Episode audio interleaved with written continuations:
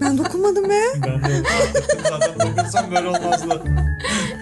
Bizim bu seni tutmamız gerekiyor. Yok yok gelmeyin kendinizi ben sen gibi. Yorgun üstüne şey. Yalnız şu an öyle bir masaya baksaydık ben Ama benim yani sürekli Recep'i görmem dışarıcı program. Ve böyle eli cebinde bir adam görüyorum şöyle sürekli. Evet Evet. hadi başlayalım. Hoş geldiniz. Hoş bulduk. Başladık mı kayıtta mıyız? O kayıttayız zaten Süper. için. Merhabalar arkadaşlar. Sorgu Odası'nın ikinci sezonun ilk bölüm konuklarısınız. Aa, hoş geldiniz sevgili Erman, sevgili Öykü. Merhaba. Nasılsınız? Çok teşekkürler ben çok iyiyim. Sen nasılsın? Ben de iyiyim. Teşekkür ederim. Siz- Harikayız gerçekten şu an. İkinci sezonun ilk bölümünü bize ayırdığın için çok teşekkür ederim. Çünkü ben ilk sezondan beri ikinizin peşindeyim. Ee, iki farklı jenerasyon. Öykü. Ben bu arada o kadar genç değilim. Yani şu an şey gibi 18 yaşındaymışım gibi oldu. Hep çocukluk soruları burada. E- Ebeveyn ve çocuk soruları hazırladım. Sen şu an çocuksun. Kaç yaşındasın? Ee, arkadaşlar ben 25 yaşındayım. 25. tamam o zaman çok doğru sorular hazırlamışım. Aramızda 11 yaş var. O zaman ilk sorumla başlıyorum. Sevgili Erman, yetişkin olmanın en büyük avantajı sence nedir? Güzel. Düşünme hakkın var mı bu sorularda? Var tabii ki var. En büyük avantajı nedir? Kendi kararlarını verebildiğini sanıyor olma. Ama aslında verememen. Hemen bununla ilgili bir çok iyi bağlayabileceğim soru var ama o sorudan önce sevgili Öykü'ye soruyorum. Çocuk ya da genç olmanın en büyük avantajı nedir? Kesinlikle enerji, ön yargısız olmak, herkesle iletişim kurabilmek. Peki Öykü, herkese iletişim kurabilmek dediğin için birbirimizi daha iyi anlamak için sizce neler yapabiliriz? Bir sessizlik.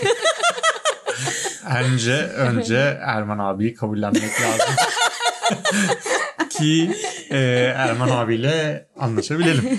Ben genelde herkesle iletişim yolunu böyle şakamatik çerçevede gerçekleştiriyorum. Yani öyle bir yol buldum. Herkesin yüzü güldüğünde kolayca iletişim kurabildiğimi düşünüyorum. Son dönemde herkese sesini duyurma fırsatı veren bir uygulama var. Denedin mi? Herkesle rahatlıkla iletişim kurabiliyorsun. Bu haliyle sesini herkese duyurabiliyorsun. Hatta Konuşmak diyebilir miyiz peki o zaman bu soruya? Konuşmak. Hı hı. Evet. İletişim, açık iletişim. Sadece konuşmak değil. Konuşmak var, konuşmak var çünkü. Yanılıyor muyum? Ağzı olan konuşuyor tabii doğru söylüyorsun. Hayır ya bunu şundan söylüyorum yani. Bir bağ kurmadan, bir ilişki kurmadan ya da doğru bir şeyler hissettirmeden konuşmak da o zaman hakikaten Erman abiyi kabullenmek dediği gibi kabullenmeyi gerektirecek bir şey olur. Peki Erman az önce verdiğin cevabı ikinci sorusunu soruyorum şu anda. Sence önemli kararları kendi kendimize alabileceğimiz yaş kaç olabilir? Ya bu içinde bulunduğun coğrafyayla biraz çok alakalı sanki. Beni mesela çocukluğumda en çok etkileyen şeylerden bir tanesi bizim eğitim sistemimizle alakalı. Çok erken yaşta bir bölüm, okul bir şey tercih ediyorsun. Sonrasında ne olacağını hiç bilmeden ve o senin aslında liseye geldiğinde bir şeyleri seçememeni, üniversiteye geldiğinde bir şeyleri daha seçememeni sebep oluyor. Ama o seçemediğin şeyler bazen istediğin şeyler oluyor. Ya da o tercihin bir şeylerden vazgeçiş olduğunu farkına varmıyorsun o yaşta. Dolayısıyla aslında o karar verdiğin yaş bence karar verme yetinin olduğu bir yaş değil. Ama oralarda vermeye başlıyorsun. Bu yüzden aslında o yaşı söyleyeceğim. Belli kararları vermeye başladığın yer belki de bebeklik. E şimdi benim biliyorsun 14-15 aylık bir oğlum var. Neleri yiyip neleri yemeyeceğine bir karar verebiliyor. Çünkü bir doğal refleksten gelen aç kalmama dürtüsü var.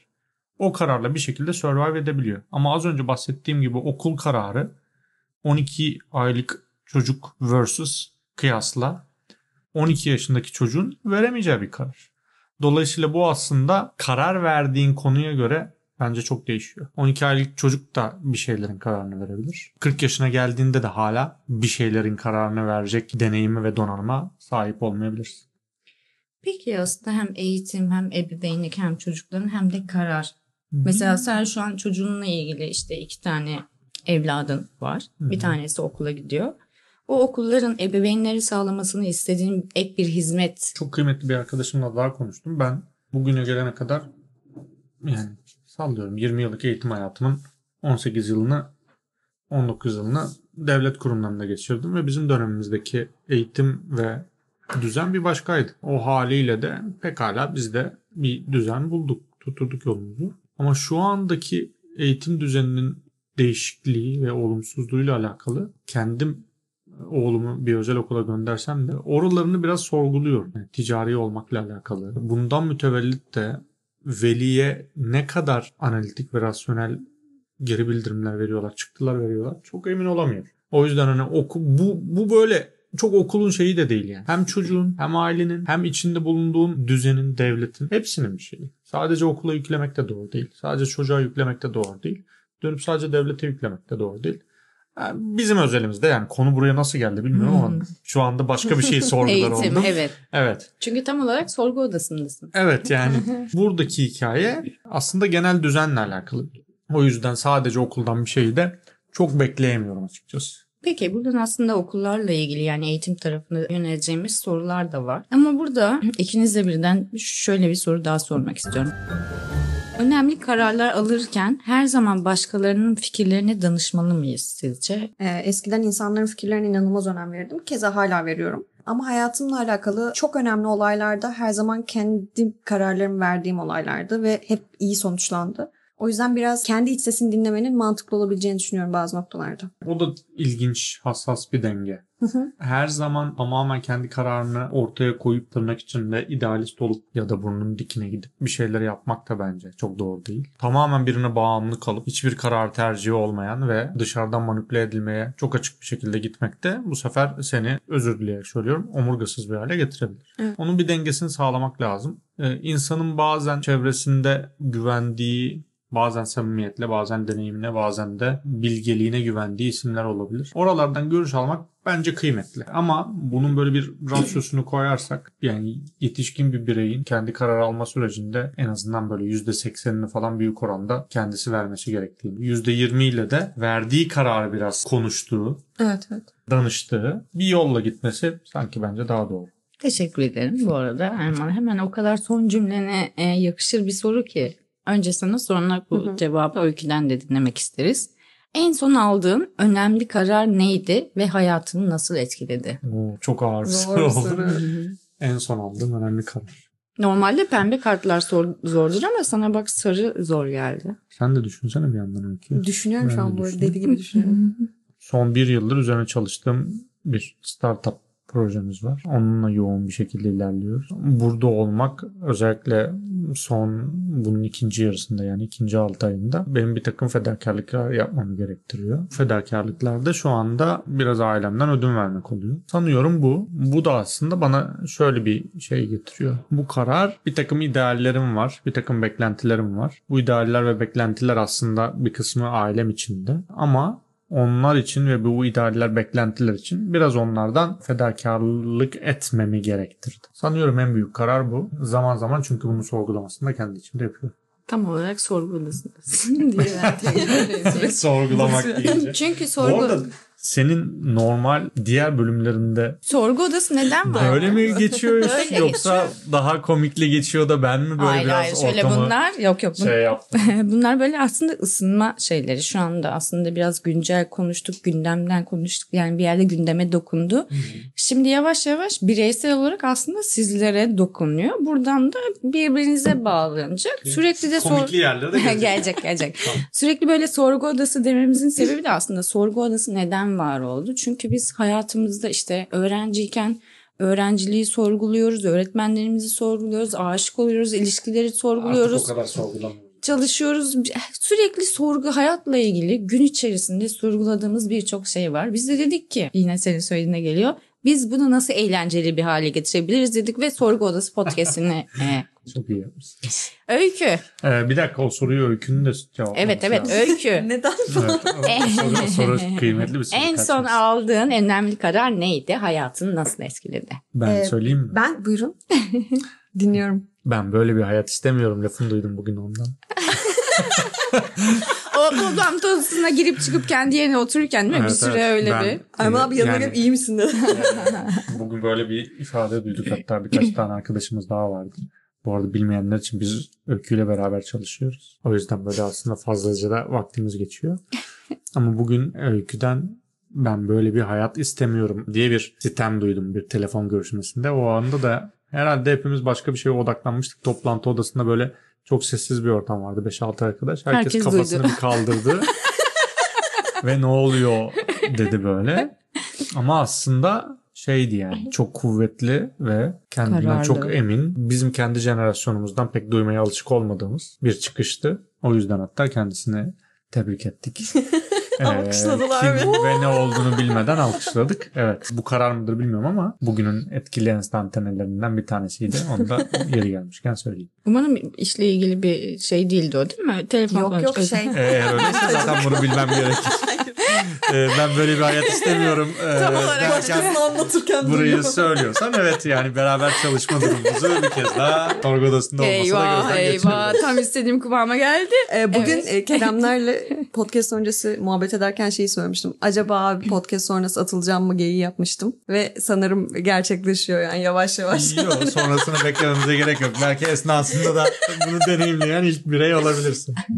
Aslında en son gibi değil de benim beni çok etkileyen ve gelişimimde inanılmaz katkı sağlayan en büyük karar şeydi sanırım. Kendi yolculuğumu bir şekilde tek başıma arkamda hiç kimse olmadan tamamen İstanbul'a bilet alarak başlatma sürecimdi. Yani hayatımda hiç bu kadar korktuğumu hatırlamıyorum. Böyle trende ağlayarak falan gitmiştim. Çünkü çok korkunçtu yani benim için. Kimseyi tanımadığım bir ile gelmek. Keza işim de yoktu bu arada. Bir şekilde iş bulurum diye geldiğim İstanbul'da aslında şu an hayatım kurdum. Bir evim var. Çok Evet. fazla sevdiğim insanlar var. Evet büyük ihtimal en büyük kararım buydu. O zaman şak şak şak şak. şak. Öykü. Şimdi birazcık Erman öykü sorularına geçiyorum. Erman'dan en sık duyduğun cümle nedir? Olmamış abicim. Aşk olsun. Peki Öykü hemen geliyorum. En son hangi konuda eleştiri aldın? En Benden son mi? Erman'dan demedim. En son hangi konuda eleştiri aldın dedim. Belki senden almıştır. Yani genel olarak şey konusunda eleştiri alıyorum. O yüzden en son odur diye düşünüyorum. Sakin kalamamak herhangi bir konuda diğer insanlara göre daha hızlı olsun, daha hızlı koordine olalım ve her şey yolunda olsun hissi bende çok fazla ve genelde bu konuda eleştiri alıyorum. Her şey yolunda olmadığında geriliyorum. Peki Erman senin öyküden en sık duyduğun cümle hangisi? Abi vaktim varsa bir şey sorabilir miyim? Ne Abi- sıklıkla? Müsaitsen bir şey sorabilir miyim? Şey gibi böyle komutan Lover bir cisim yaklaşıyor gibi böyle.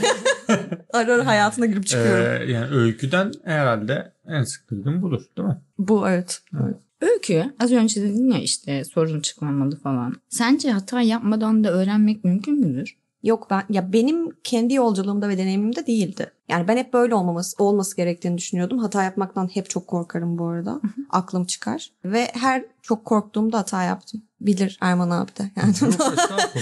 Yani, yani hata yaparak aslında öğrendim yani her konuda. Peki Erman sen eleştirildiğin zaman kendini nasıl hissediyorsun ve nasıl tepki verirsin? eleştiriye şahsen kapalı olmadığımı düşünüyorum. Doğru kişinin doğru yerden ve doğru zamanda eleştiri olması lazım. Şey demek değil yani hani insanları sınıflandırıyor ve belli bir statüye koyuyorum gibi değil.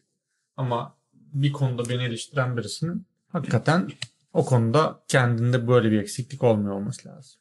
Ya da buna benden daha iyi hakim oluyor olması lazım. Bu haliyle çok tahammül gösteriyorum ve bu bana katkı sağlıyor. Hadsiz bir şekilde birisi beni eleştiriyorsa o noktada sabırsızlandığım, biraz e, tansiyonun yükseldiği yerler oluyor. Ama sakin kalmayı başarıyorum. Ben. Başı bence öyle bu arada. Evet yani sabırlı bir adamım. Şöyle yani sabır seviyesi oldukça yüksek bir adamım. Eşiği geçtiği noktada sabır seviyende geçiyor. Sanırım Ama öyle şeyleri çok yaşamadık. Bir geçtiğimiz sene bir telefon görüşmem vardı. Ben var ya full HD oradaydım. wow. evet yani öyle şeyler ama işte öyküyle biz iki yıldır mı? Üç yıldır mı? İki yıldır herhalde değil mi? Tanışıyoruz. İki, İki yıl, yılda bir iki kere yıl. yani. Şöyle aslında nasıl tepki verirsin derken verdiğin tepkiler gerçekten bir e, sabır şeyinde. Mesela bende sabır sınırı yok. Benimki sonsuz gidiyor bence. Çünkü ben öyle bir şeyi da de- daha mi? denk gelmedim. Biz seninle de bunu konuştuk. Sana da yazdım. yani Evet Sevret sinirlenmiyor gerçekten. e, o sinirleniyor da Yok, dışarıya dışarıdan belli. evet evet Yani tepkisel olarak. Hayır, dışarıdan da belli oluyor. Dışarıya nezaketinden söylemiyor. Kendi için içini yiyor, kemiriyor, gidiyor. Biz bunu onunla da konuştuk zaman zaman. Bu da doğru değil. Yani o o sabır ve tahammül sınırınız başka birileri tarafından fark edildiği durumda bu sefer suistimal ediliyorsunuz. Şöyle bir şey yani sabır sınırı çok az olup her şeye parlayıp köpüren bir adam olmak da doğru değil. Sabır sınırı sonsuz olup kendini yitir, yitirmen de doğru değil. Ama şöyle oluyor ne yazık ki. Yani. Denge. O sabır sınırı az olan adam tatsızlık, huzursuzluk yaratacak diye kimseyle münakaşa yaşamıyor. Evet. Şöyle oluyor. Ya bırak şimdi. Ben ilk işe başladığımda tamamen böyle bir karakter vardı. Karakter dedim ama inşallah şey olmaz. Herkes aman ya bana bulaşmasın diye işlerini yapıyordu. Ve ben onun öyle bir şey aldım asla olunmaması gereken şey olarak aldım evet, yani. Evet aynen öyle. Yani Aynen insanlar öyle. benim bir şeyim, bir istediğim bir işi veya bir şeyi yaparken bu şekilde yapmamalı diye düşündüm. Ya şey var yani ben de bu zamana kadar beraber arkadaşlık yaptım ya da iş yaptım insanlardan. Yani o kadar güzel ve naif eleştirmeyi becerebilen insanlar var ki ben de bunu yapamıyor olabilirim yani. Ben de hani yapıyorum demiyorum. Ama hakikaten bunu o kadar güzel söyleyen insanlar var ki. Yani böyle şey istiyorsun. Karşısına otursan da sana seni anlatsa, eksi yönlerini söylese ve kendini fix etsen. Çünkü sen bunu göremiyorsun. Bu dışarıdan seni birisinin görmesi, seni daha da iyi bir noktaya getirecek bir takım geri bildirimleri vermesi çok kıymetli. İşte o eleştiriyi vermek aslında baktığınız zaman onu bireysel algılamamak ya yani o işle ilgili bir şey olduğu için onu o çerçevede tutmak belki ilişkileri de bu kadar sağlam tutuyor. Evet olabilir. Öykü? Eleştiri olma. karşısında tavrım. Yok ya hiç şey sinirlendiğim bir nokta düşünüyorum şu an. Bir olmadı. Hatta benden daha büyük, daha bilgili, benim mentorum olabilecek bir insan varsa tam tersi çok daha mutlu oluyorum. Alınmamayı da tercih ediyorum. Eskiden alınıyordum mesela ama artık bu konuda bayağı olgunlaştığımı düşünüyorum. Sanırım alındığın nokta tam bu soruyla ilgili. ne söylediğin mi daha önemlidir, nasıl söylediğin mi? Nasıl söylediğin? Ben e, bunu Erman abiyle daha önceki geçmişimizde yaşamıştık biz bunları. Ne söylediğin mi nasıl söylediğin mi? Yani tabi burada çok ütopik söylemleri hariç tutarak söyleyelim. Ama evet nasıl söylediğim bence daha önemli. Şimdi Öykü'yle ben de çalışıyorum bu arada. Sen de çok sık çalışıyorsun. Öykü'ye şöyle bir sorum var. Bunu bence beraber sorabiliriz. Öykü, çözüm bulamadığın bir problem yaşadığında neler yapıyorsun? Neler yapıyorum? Yani İşle çözümden kastımız full çözümsüz mü? Çünkü yani çözüm bulana kadar araştırırım ilk önce. Hı hı. Sonrasında yakın çevreme sorarım. Yakın çevrem işte sen olur, Ali olur, Kerem olur. O da olmazsa Erman abiye mesaj atarım. Direkt yani. Peki Erman abin sence seni gerçekten iyi tanıyor mu? Tanıyorsa hangi yönlerden evet, tanımıyorsa hangi yönlerden hayır? Bence bizim e, karakterlerimiz çoğu zaman çok çatıştığı için biz birbirimizi çok yakından tanıyabildik gibi düşünüyorum. Çok fazla çünkü temas noktamız oldu onunla. O yüzden şu an bence o beni tanıyor. Yani tanıdığını düşünüyorum bence. o çok Çünkü neye sinirlendiğimi falan az buçuk biliyor. Çünkü bunların hepsini yaşadık. Hepsini deneyimledik. Neye sevindiğimi de biliyor. Tam tersi soru. Ben öykü tanıyor muyum? Ya şöyle biraz işte benim bunu bir hava olarak söylemiyorum ama bir yoğunluğum var. Hayat yoğunluğum var. Bir burası var. Başka işlerim var. Aileme vakit ayırmak istiyorum falan. Çok şehirli bir yaşamım var. Yani bir bu şehirdeyim bir Çanakkale'deyim falan böyle. Ondan dolayı kendime bile çok fazla zaman ayıramıyorum. Kendime bile çok fazla zaman ayıramazken şu anda beraber çalıştığım arkadaşlarımı hem kendimi ifade etmek açısından hem de onları tanımak açısından da yeteri kadar vakit ayırdığımı ben düşünmüyorum şahsen. Gözlemliyorum, tanıyorum, tanımaya çalışıyorum. Ama sen de zaman zaman söylüyorsun ya ya Erman öyle bir adam değil aslında daha eğlenceli bir adam diye. Evet o kadar da sıkıcı bir adam değilim. Ama bu koşturmanın içerisinde biz birbirimize çoğunlukla iş için maruz kalıyoruz. Benim de biraz bulunduğum pozisyon itibariyle böyle genelde az zamanlar, sosyal zamanların kısıtlı olduğu ve böyle genelde işlerinde sonuna baktığım o yüzden de olmamış bu abicim diye hatırlandığım bir rolüm var. Aslında çok öyle değil. Ben olmamış bu abicim desem de beraber çalıştığım arkadaşlara faydamın da dokunduğunu düşünüyorum. Benden nispeten beslendiklerini düşünüyorum. Yani Alındın bunu- mı bana? Yok alınmadım. Bunu, bunu, onların, bunu onların söylemesi daha doğru ama yani şöyle ben evet şeyim yani insanları tanıma konusunda fena olmadığımı düşünüyorum. Bunun için çok büyük zamanlara da ihtiyacım olduğunu düşünmüyorum ama hakikaten çok iyi tanımak için daha fazla bir şeyler yapmak lazım. Sadece iş ortamında değil sosyal ortamda da yani sosyal ortam dediğim hani hafta sonu hadi beraber dışarı çıkalım falan değil ama e bak işte iki senedir ben beraber yaptığımız organizasyonlara bile neredeyse hiç katılamadım. Öyle şeyler var. Dolayısıyla öyküyü tanıyorum ama kısıtlı ve bu beni tatmin etti. İşte limonata otele gitseydik değil mi bir? bir organizasyon. yerleştirme. Limonata e, otel arkadaşlar. Evet. Takip. Şey, bu arada sorgu odasının bir özelliği daha var. Bu masada konuşulanları açıklama olarak işte bir Instagram hesabı varsa bir evcil e, dostumun bir Instagram hesabı varsa Hmm, evet filmler, ya. diziler hepsinin Jack aslında. Russell vardı. Evet evet hepsini ekliyoruz. Evet. Berlin var sevgili Hmm, Berlin Efendi. Evet, evet, evet. Peki Erman, Öykü'nün 25 yaşında olduğunu öğrendik. O yaşta mutlaka bilmesi gerektiğini düşündüğün 3 şey söylesen ne söylerdin? Kendim 25 yaşında neredeydim? Düşüneyim. Ne yapıyordum? Limonata Otel. 25 yaşında limonata otel yok yoktu. 25 yaşında ama Çanakkale Belediyesi ile bir girişim yapmak için kovalıyordum. Çanakkale'de bir kız öğrenci yurdu hikayem vardı falan. Evet orada da bir şeyler yapmak istiyordum. Ben Öykü'nün o bahsettiği Eskişehir'den buraya geldiği ilk zamanların hikayelerini biraz biliyorum. O açıdan bence yani dik durmak, ayakta durmak açısından zaten çok takdir ediyorum yani. Yaptıkları çok kıymetli. Bu survive etme ruhu, ayakta kalabilme ruhu ona gelecekte çok daha fazla şey kazandıracak. Bir, bu yaşın hala o büyüdüğünü ve belli bir şeye geldiğini söylüyor ama daha önü çok açık. Üç tane şey söyleyeceğim. Bir, o orta yaşa geldiğini hissediyor şu anda. Ben de öyleydim. Ama da öyle değil. Daha oraya gelmek için çok var. İkincisi karar vermek için şartlara göre değil, kendi belirledi- belirlediği kriterlere göre bir karar verme prosesini başlatmasını önereceğim. O da şöyle, iş böyle, ev böyle, e bir durumda ne yapayım? Madem şunu yapmam gerek değil, ben şunu istiyorum. Evde gerekirse böyle İhtiyacım olur. olan bu. İşte gerekirse böyle olur. Dolayısıyla böyle yapayım demek. Biraz zaten onu yapmış ama benim vakti zamanında yapmadığım şeylerden bir tanesi buydu. Yani bulunduğun kabın şeklini almak değil, gerekirse kaptan çıkıp yeni bir kap bulmak gibi. Dolayısıyla bir karar da o. Üçüncü bir karar da zaman çok hızlı geçiyor. Bu böyle klasik bir tabirdi. Ben de çok duydum bunu ama hakikaten Daha dün öyleymiş. 25 yaşındaydık Evet ya. yani çok hızlı geçiyor.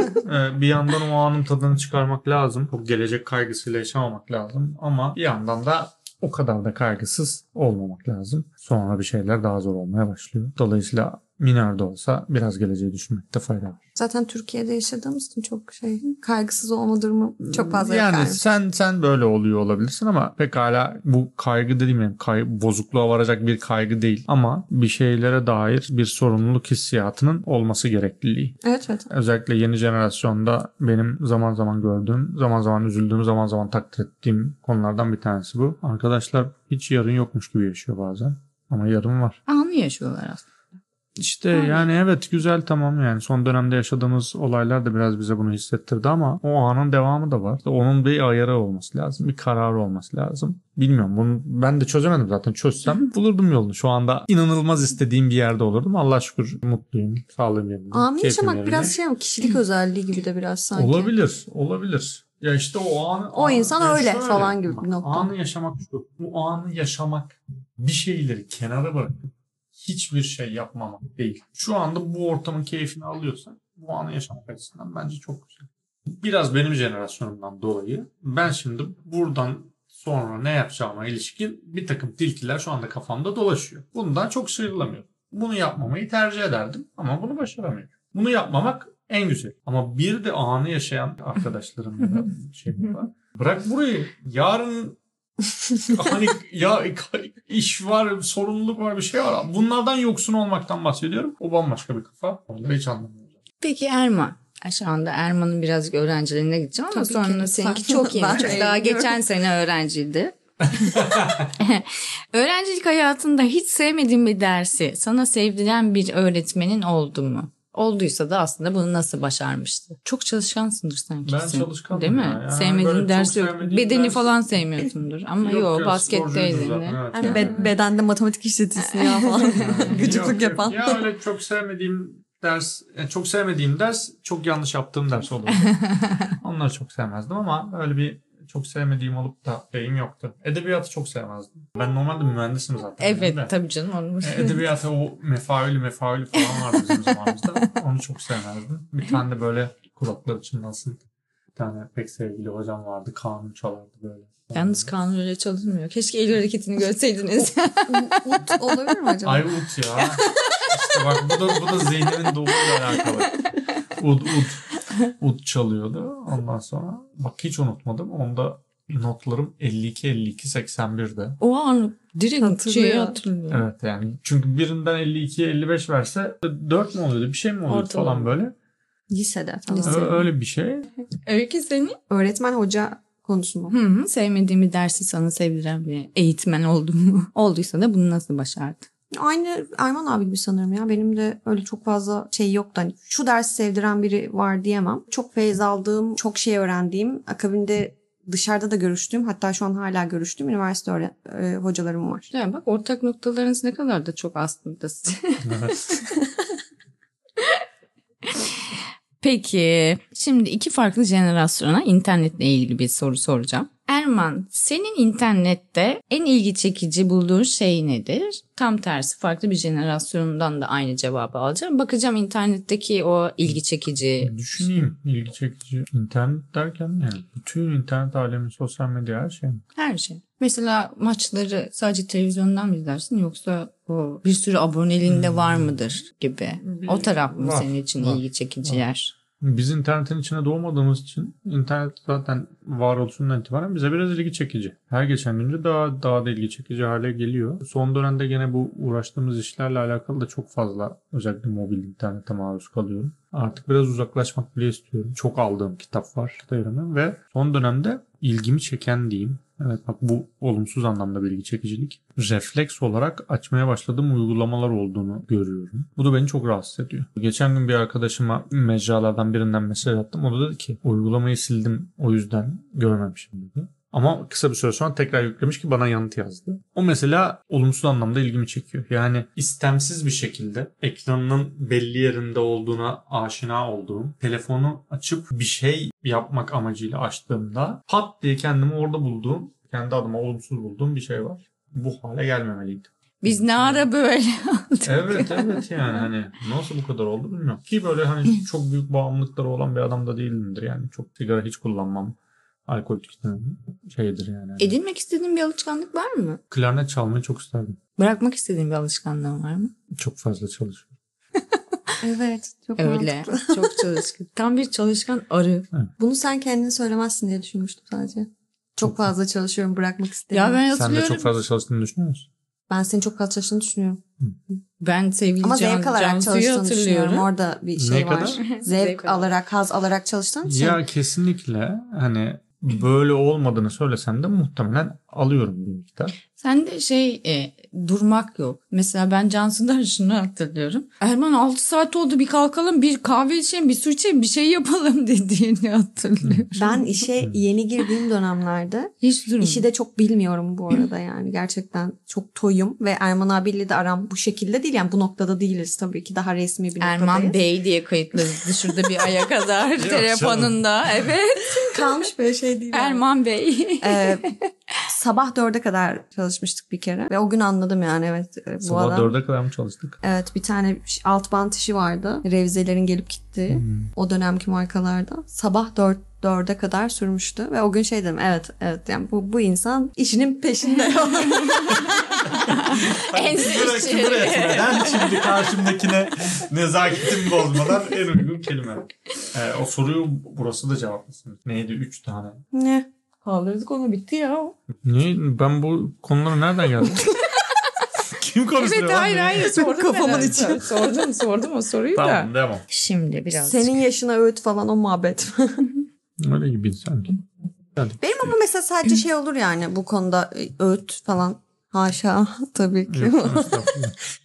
Ee, en azından kendi geleceğim için de böyle düşünüyorum. Belki senin için de öyle olur. Hani çok fazla çalışmaktan zevk aldığının farkındayım ama e, bir noktadan sonra yarın bir gün hayatında iş olmadığı zaman arkada bir planın olmalı. Yani bir hobin, bir şeyin. Buna çok inanıyorum. Yani emekli olacağın bir hayatın da olacak bir noktada ve çok ciddi bir boşluğa düşebilirsin. O yüzden sadece işten ibaret olmamalı hayat bence. İşte aslında öyle değil. Hobileri olan kendime ayırdığım vakitlerde pekala kendimi gayet güzel eğleyebilen öyle belli bir hayattan beklentileri olan bir adamım ama problem şu kendime bu vakti ayırmıyor. Dolayısıyla boş kalmakla alakalı, emeklilikle alakalı çok büyük kaygılarım yok. Oraya gelmeden bence biraz kendime boşluğu vermem lazım. Sınavlar kaldırılsa alternatif olarak öğrencilerin veya insanların konuları iyi öğrenip öğrenemedikleri sizce nasıl ölçülebilir? Yani bir şeyler için en azından teorik bir şeyler için sanki biraz bir sınav yapma ihtiyacı zaruri gibi geliyor bana. Ee, Sınav bir pekiştirme bir... beşeri bir şey. şeylerle uğraşıyorsan yani insanla ilgili bir şeylerle uğraşıyorsan sübjektif şeyler ya bir de böyle.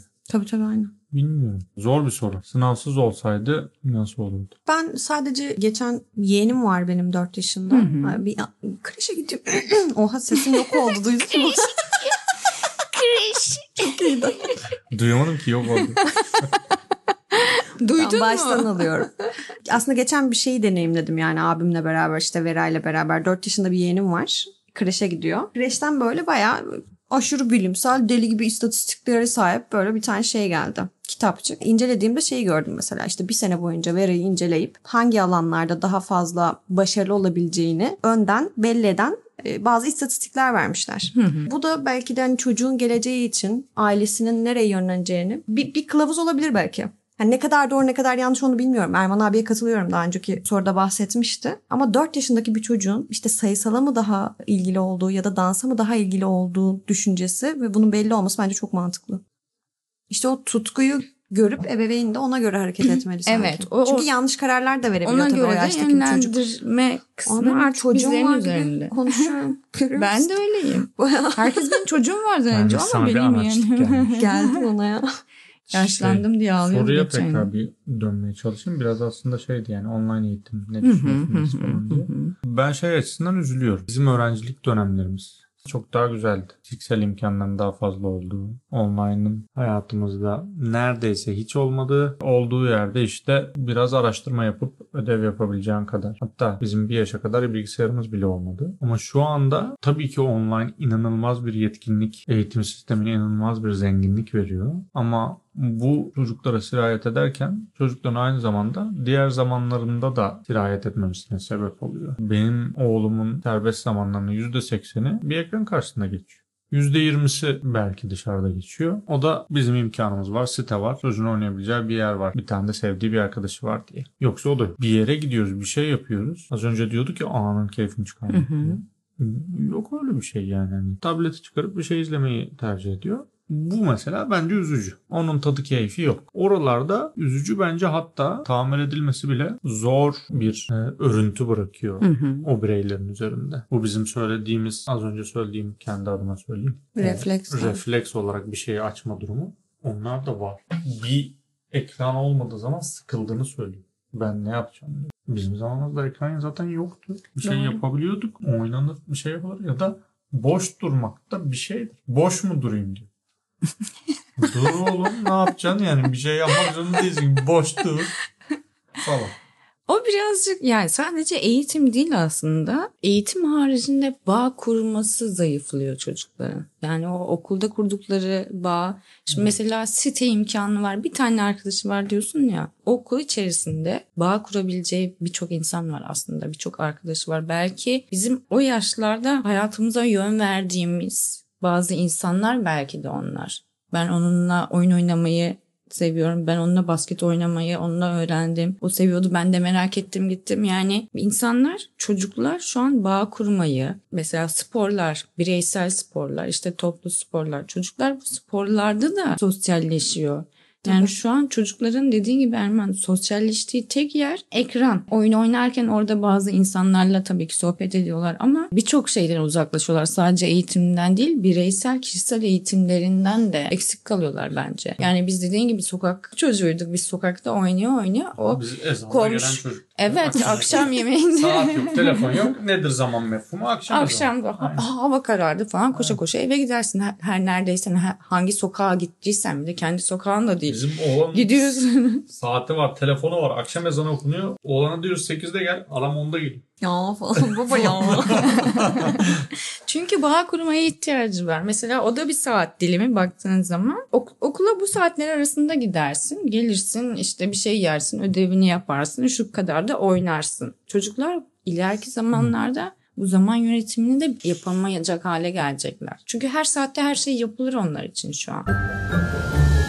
Peki son bir soruyla ilk bölümümüzü kapatıyoruz. Dört nesil sonraki torununuza bir not bırakacak olsanız ne derdiniz?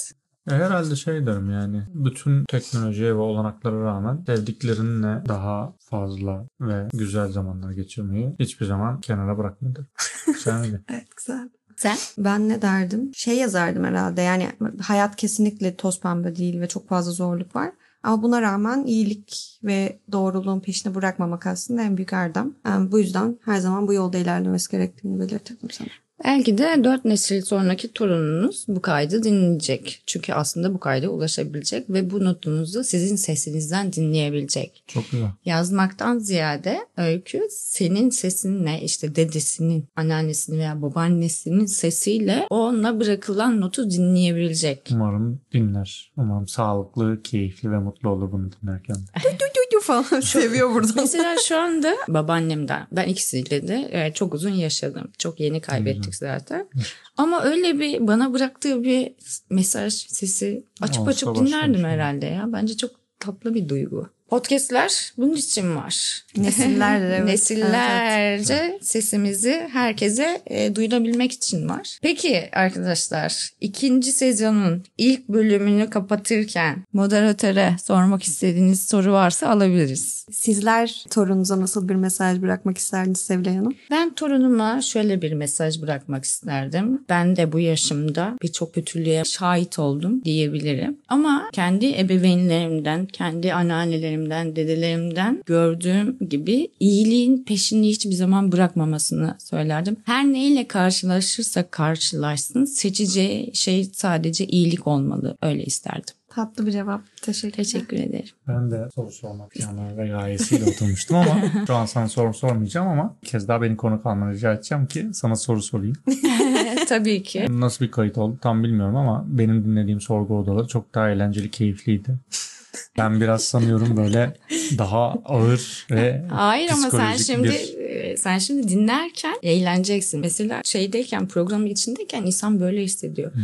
Öyküyle Mert Savaş'ı aldım ben. Öykü diyor ki abla ben bunu dinlerken bu çok eğlenceli bir şeydi.